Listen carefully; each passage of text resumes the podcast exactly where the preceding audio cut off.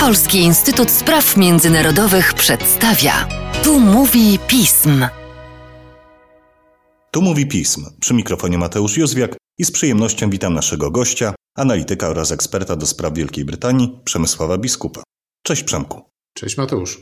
Nasz dzisiejszy podcast poruszy temat, który oburzył opinię publiczną na Wyspach. Okazuje się bowiem, że premier Wielkiej Brytanii Boris Johnson w czasie pierwszego pandemicznego lockdownu zorganizował w swojej kancelarii całkiem liczne spotkanie towarzyskie. W efekcie stoi w obliczu utraty wiarygodności, a gazety, wirtualne portale oraz media mówią o kryzysie w przywództwie państwa. Przemku, dlaczego ogrodowe przyjęcie w siedzibie premiera doprowadziło do tak widocznego i poważnego podważenia pozycji Johnsona? Te przyjęcia ogrodowe, można powiedzieć, w tej chwili stanowią o pewnym efekcie kuli śniegowej. Rdzeniem zarzutów stawianych Johnsonowi po raz pierwszy mniej więcej w listopadzie, grudniu było to, że nie przestrzega on i jego współpracownicy zasad dużo poważniejszych niż w Polsce, dużo ostrzejszych izolacji społecznej, które sam narzucał jako premier oczywiście, czy szef rządu, szerokiemu społeczeństwu. Pierwszą słonę tego dramatu mieliśmy właśnie przed Bożym Narodzeniem i wtedy to skończyło się dymisją współpracownicy Johnsona, jego można powiedzieć rzeczniczki prasowej. I wtedy Johnson w Izbie Gmin również zaznaczył, że to było pod jego niewiedzą, że jestem oburzony i że on sam w tego typu wydarzeniach nie brał absolutnie udziału. Jak się okazało, istniały dalsze materiały e, w tej chwili ujawnione w ciągu ostatnich kilku dni, które nie tylko potwierdziły, że Johnson brał udział w takim przyjęciu, a więc, że złamał reguły covidowe, ale również, co jest jeszcze gorsze, w zasadzie one potwierdzają, że Johnson, można powiedzieć, skłamał wobec posłów czy wobec izb gmin. Formalnie rzecz biorąc, te kwestie z powodu różnych niuansów prawnych są jeszcze badane przez specjalną komisję dochodzeniową. Jej e, szefową jest wysokiej rangi urzędniczka Sue Gray. Tutaj te takie niuanse prawne wynikają m.in. z tego, że Downing Street No. 10 to jest budynek, który jest zarówno, można powiedzieć, domem e, premiera, z wszystkimi tego konsekwencjami, czyli ogród tego domu jest jego prywatnym ogródkiem, jaki jest budynkiem biurowym publicznym. Czyli jest tu, jest tu pewna, pewna przestrzeń taka szara. Natomiast no nie ulega wątpliwości, że w zasadzie pomijając ten aspekt, Johnson złamał e, zasady. Do tego jeszcze rozmawiamy w piątek rano.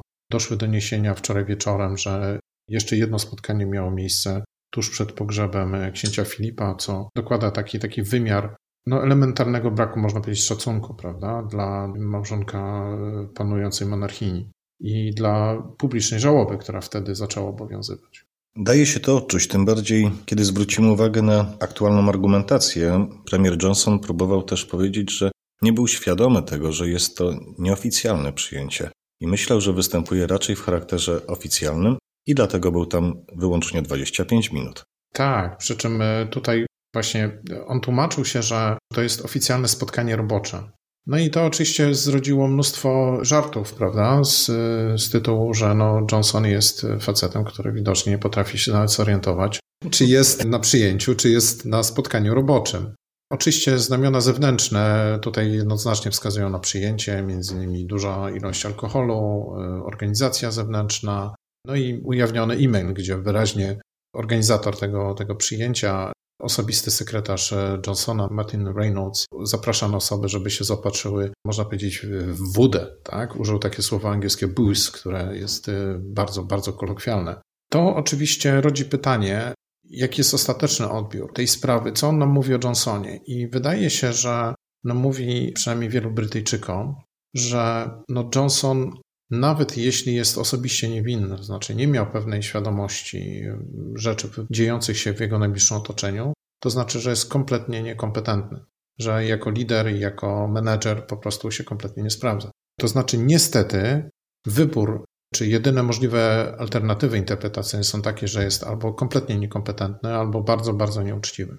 Nie pomagają w tym wszystkim pozostałe błędy, które są dosyć widoczne. Co Twoim zdaniem obciąża jego konto bardziej? Czy to niedopatrzenia, błędy w strategii politycznej, czy raczej jeszcze te elementy związane z polityką sektorową? No właśnie paradoksalnie, jakbyśmy spojrzeli na Johnsona i COVID, to można powiedzieć, że z dzisiejszej perspektywy zdecydowanie jego bilans jako kreatora polityki sektorowej w zakresie COVID-u czy pandemii i zwalczania jest nieporównanie lepszy niż jego bilans jako przywódcy narodu, który no jak samo słowo przywódca sugeruje, ma przewodzić, jakby pociągać za sobą obywateli, inspirować ich własnym osobistym przykładem i w tym zakresie jakby zawodzi chyba przede wszystkim strategia polityczna. I tutaj warto podkreślić sukcesy Johnsona, tak? Zorganizowanie przez jego rząd bardzo dobrej akcji szczepionkowej, opartej o częściowo szczepionki wypracowane w Wielkiej Brytanii, dzięki samodzielnej akcji, niezależnie jakby od Unii Europejskiej, bo to pamiętajmy, te szczepionki powstawały w okresie w ostatnim roku brytyjskiego członkostwa. Do tego warto zaznaczyć relatywnie liberalne podejście Johnsona. On był w ramach rządu brytyjskiego i szeroko rozumianego establishmentu takiego medyczno-administracyjnego, był zwolennikiem jak najmniejszych lockdownów, szybszego rozluźnienia zasad, ograniczeń społecznych i to do dzisiaj, zdaniem bardzo wielu Brytyjczyków, wyróżnia go pozytywnie na tle pozostałych trzech, można powiedzieć, decydentów w tym zakresie, bo pamiętajmy, że Wielka Brytania jest podzielona na cztery jurysdykcje prawne. Rząd brytyjski centralny zarządza przede wszystkim Anglią w zakresie kwestii medycznych, Natomiast Szkocja, Walia i Irlandia Północna mają swoich, można powiedzieć, premierów krajowych, którzy tymi sprawami zarządzają. Reżim lockdownowy w Anglii jest zdecydowanie lepszy, bardziej łagodniejszy, bardziej przyjazny obywatelowi niż, niż w tych pozostałych. pozostałych tak. Natomiast, no jak widać, Johnson jako osoba ewidentnie do pewnych wyzwań związanych z przywództwem nie dorósł. Bardzo ciekawe jest to, że można powiedzieć, że istniało pewne podejrzenie, że to jest jego stała cecha osobowości. On w różnych pracach, które wcześniej wykonywał jako, nie wiem, redaktor naczelny tygodnika Spectator, czy jako burmistrz Londynu. On zdradzał podobne cechy. Natomiast w tamtych czasach i za sukcesami, które odnosił, stało to, że on dobierał sobie bardzo dobre, dobrze współpracowników. I można powiedzieć, że pierwsze sukcesy Johnsona z pierwszego mniej więcej półtorej roku jego e, premierostwa również wiązały się z tego typu wyborami. Politycznie dużo bardziej kontrowersyjnymi, ale zdecydowanie w sensie pewnej skuteczności zarządzania, no, moim zdaniem to nie jest kontrowersyjne. No, po prostu dużo lepiej to wszystko funkcjonowało. I symbolem tego był jego główny doradca i można powiedzieć taki szef sztabu Dominic Cummings. Johnson z Cummingsem się rozstał w listopadzie 2020 roku i podstawowy problem, z którym mamy do czynienia i którym moim zdaniem stoi właśnie za, za tymi ujawnianymi skandalami, jest to, że on po prostu nie wyznaczył nowej takiej osoby.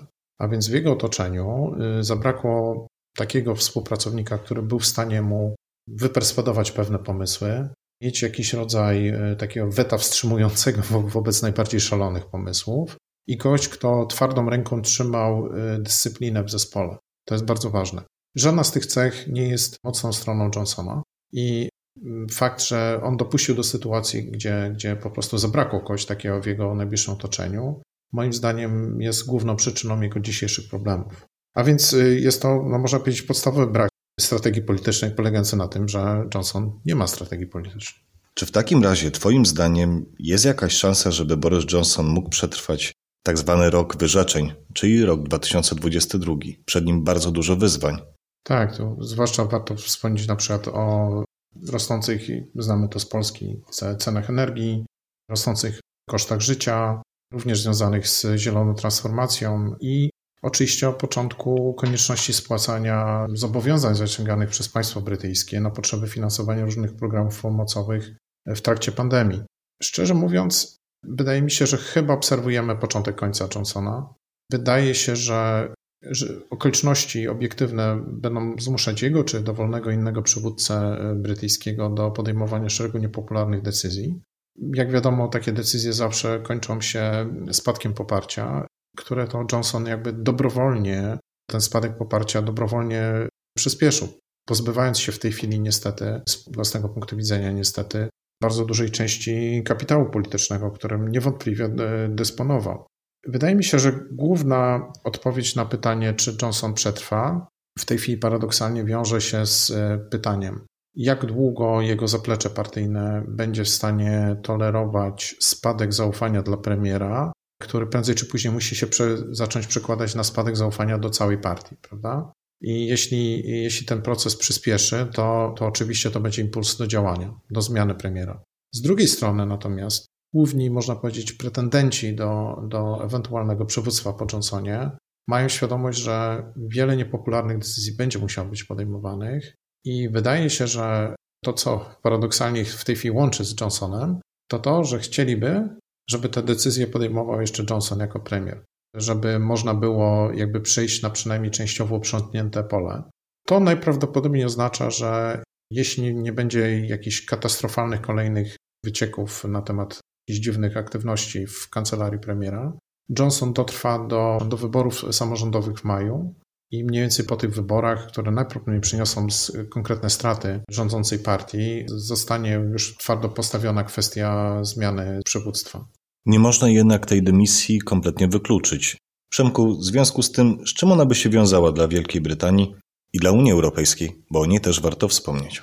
Jeżeli chodzi o Wielką Brytanię, to wydaje mi się, że e, w tej chwili to przede wszystkim jest kwestia rozgrywki wewnętrznej w ramach obozu e, rządzącego. To notowania głównej partii opozycyjnej, Partii Pracy fluktuują. One w tej chwili są powyżej notowań partii rządzącej, ale nie jest to stały trend. I wydaje się, że partia rządząca, jeżeli wybierze dobrego następcę Johnsona, ma pełne szanse utrzymać e, się przy władzy aż do 2023-2024 roku, plus powiedziałbym, że nawet wygrać kolejne wybory. Więc główny skutek dla Wielkiej Brytanii, przynajmniej z dzisiejszej perspektywy, to jest to, że mielibyśmy do czynienia z wyborem nowego przywódcy. I główne pytanie, ponieważ byłby to wybór w ramach partii rządzącej, jest, czy ta partia zdecyduje się na koronację jakiegoś jednego wewnętrznie uzgodnionego kandydata, czy to będzie taki konkurs otwarty, jakim, z jakim mieliśmy do czynienia w 2019 roku. Johnson, chcąc odwlekać perspektywę swojego obalenia, może natomiast mieć bardzo mocną motywację do tego, żeby podjąć radykalne działania na różnych polach. To się w języku dzisiejszej polityki brytyjskiej nazywa zasadą martwego kota. Jak chcemy odwrócić uwagę od różnych mm, problemów bieżących, wrzucamy na stół martwego kota i wszyscy mówią o martwym kocie. I tutaj przeszedłbym do kwestii unijnej, bo wydaje mi się, że jednym z znakomitych kandydatów na martwego kota, niestety oczywiście, jest w tej chwili kwestia ciągnących się brytyjsko-unijnych negocjacji dotyczących operacjonalizacji protokołu północnoirlandzkiego. Strona brytyjska bardzo mocno kwestionuje interpretacje przyjmowane w tym zakresie przez Unię Europejską i e, chce daleko idących, wiążących prawnie ustępstw w tym zakresie, zwłaszcza jeżeli chodzi o nadzór nad e, działaniem tego protokołu ze strony Europejskiego Trybunału Sprawiedliwości oraz zakres kontroli granicznych na granicy morskiej między właściwą Wielką Brytanią a Irlandią Północną i grozi e, zawieszeniem tego protokołu w oparciu o przepisy artykułu 16. Gdyby to nastąpiło, to byłoby to działanie na zasadzie odpalenia bomby atomowej. Unia Europejska grozi jako jedną z sankcji możliwością w ogóle zawieszenia tego obowiązującego od, od roku porozumienia o handlu i współpracy, y, więc to niewątpliwie byłby ten martwy kot, który przyciąga ogromną uwagę. Natomiast musimy mieć świadomość, że gdyby Johnson zdecydował się podjąć takie działania, to akurat temu by przyklasnęło bardzo wiele osób z, ze środowiska brexiterów a także unioniści północnoirlandzcy, którzy od dawna domagają się albo zasadniczej rewizji tego protokołu, albo, albo właśnie jego zawieszenia. To z kolei może na terenie tej prowincji mieć bardzo dramatyczne skutki, dlatego że w maju tam odbywają się wybory do władz krajowych i najprawdopodobniej te, te wybory zmieniłyby się w jakiegoś rodzaju referendum nad po pierwsze przynależnością Irlandii Północnej Wielkiej Brytanii, ale po drugie również nad w ogóle procesem pokojowym w Irlandii Północnej, jego zasadami. I uwzględniając niedawną historię tego kawałka świata, możemy również zakładać, że to mogłoby łatwo przerodzić się w jakiegoś rodzaju zamieszki, czy jeszcze gorszą przemoc. Stąd być może trzeba mimo wszystko trzymać kciuki, żeby, żeby sytuacja w Wielkiej Brytanii bardziej się nie komplikowała, przynajmniej póki nie zamkniemy tych trudnych rozmów które się toczą w tej chwili, dosłownie, i póki nie miną najgorsze okresy napięcia również na naszej granicy wschodniej, gdzie przypomnijmy, Wielka Brytania jest dosyć aktywnym aktorem, ma jako jedno z nie tak wielu państw natowskich swój kontyngent wojskowy na przykład. Wielka Brytania z Borysem Johnsonem, czy też nie? O tym przekonamy się w najbliższych miesiącach. Nie ulega jednak wątpliwości, że czeka ją czas wyzwań i wielu trudności. Mam nadzieję, że będziemy mieli okazję już niedługo porozmawiać o nich, Przemku. Y, z ogromną przyjemnością. Ja również będę zaszczycony. A tymczasem dziękuję Ci za dzisiejszy podcast. Dziękuję Państwu. Dziękuję Mateuszu. Państwa zaś zachęcam do śledzenia naszej strony internetowej, czytania najnowszych biuletynów i komentarzy, śledzenia mediów społecznościowych i cóż, do usłyszenia.